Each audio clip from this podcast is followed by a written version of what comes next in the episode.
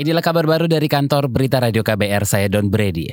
Saudara jam 1 siang nanti Mahkamah Konstitusi dijadwalkan melanjutkan lagi sidang sengketa hasil pemilu presiden. Untuk selengkapnya kita simak laporan jurnalis KBR Heru Haitami langsung dari gedung MK di Jalan Medan Merdeka Barat, Jakarta. Heru, silakan. Ya, baik Don dan juga saudara, siang ini nanti Mahkamah Konstitusi akan melanjutkan kembali sidang perselisihan hasil pemilu Presiden 2019. Sidang MK akan dilanjutkan dengan agenda mendengarkan dan memeriksa saksi dari Komisi Pemilihan Umum atau KPU sebagai termohon.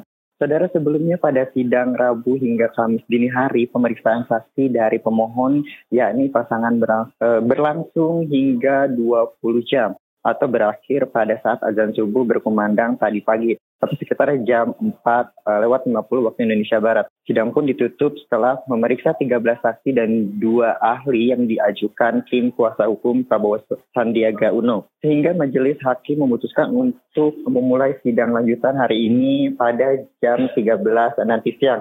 Dalam persidangan semalam, Hakim Anwar memerintahkan KPU untuk mempersiapkan betul saksi agar saat persidangan nanti bisa berjalan lebih cepat dan efisien. Setelah dalam sidang pemeriksaan saksi dari pemohon, kuasa hukum Prabowo Sandi menghadirkan 14 saksi dan juga dua ahli. Namun untuk termohon, belum diketahui apakah Komisi Pemilihan Umum juga akan menghadirkan saksi dengan jumlah sama atau justru jumlah lebih sedikit dari pemohon. Demikian dari Mahkamah Konstitusi Jakarta, Heru Tami melaporkan.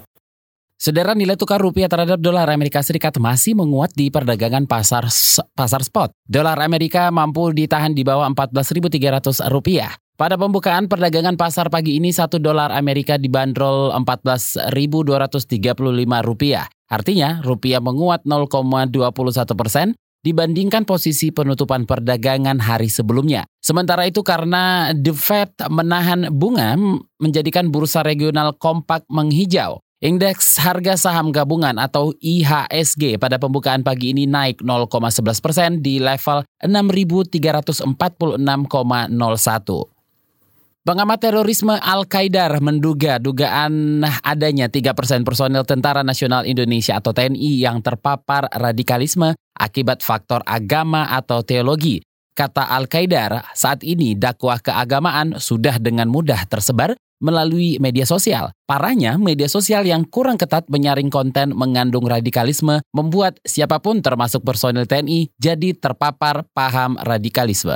Yang paling kuat sih sebenarnya teologi itu, faktor teologi, faktor agama itu. Jadi mereka kan bekerja pada sektor di mana uh, keyakinan, keimanan itu harus ditempatkan di uh, level paling terdepan. Jadi Hmm, boleh dikatakan mereka kan selalu berada pada situasi di mana mudah sekali kehilangan nyawa. Jadi mereka mau tidak mau kan harus mempersiapkan apa namanya pengamanan-pengamanan teologis mereka, yaitu keimanan. Pengamat terorisme Al-Qaeda menambahkan alasan lain personil TNI terpapar paham radikal yaitu faktor ekonomi. Gaji tentara yang lebih kecil dari polisi kata Al-Qaeda berdampak pada keengganan untuk melayani negara. Pemikiran itulah yang akhirnya mengantarkan mereka kepada pilihan untuk melayani Tuhan.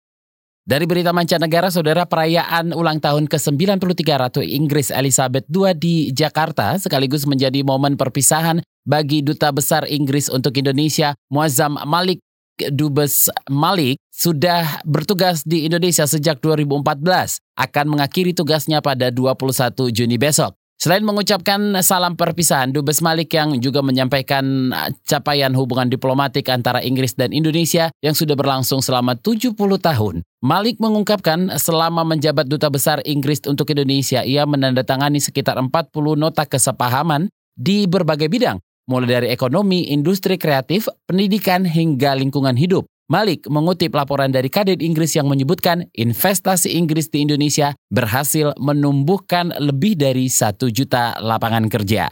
Demikian kabar baru dari kantor Berita Radio KBR, saya Don Brady.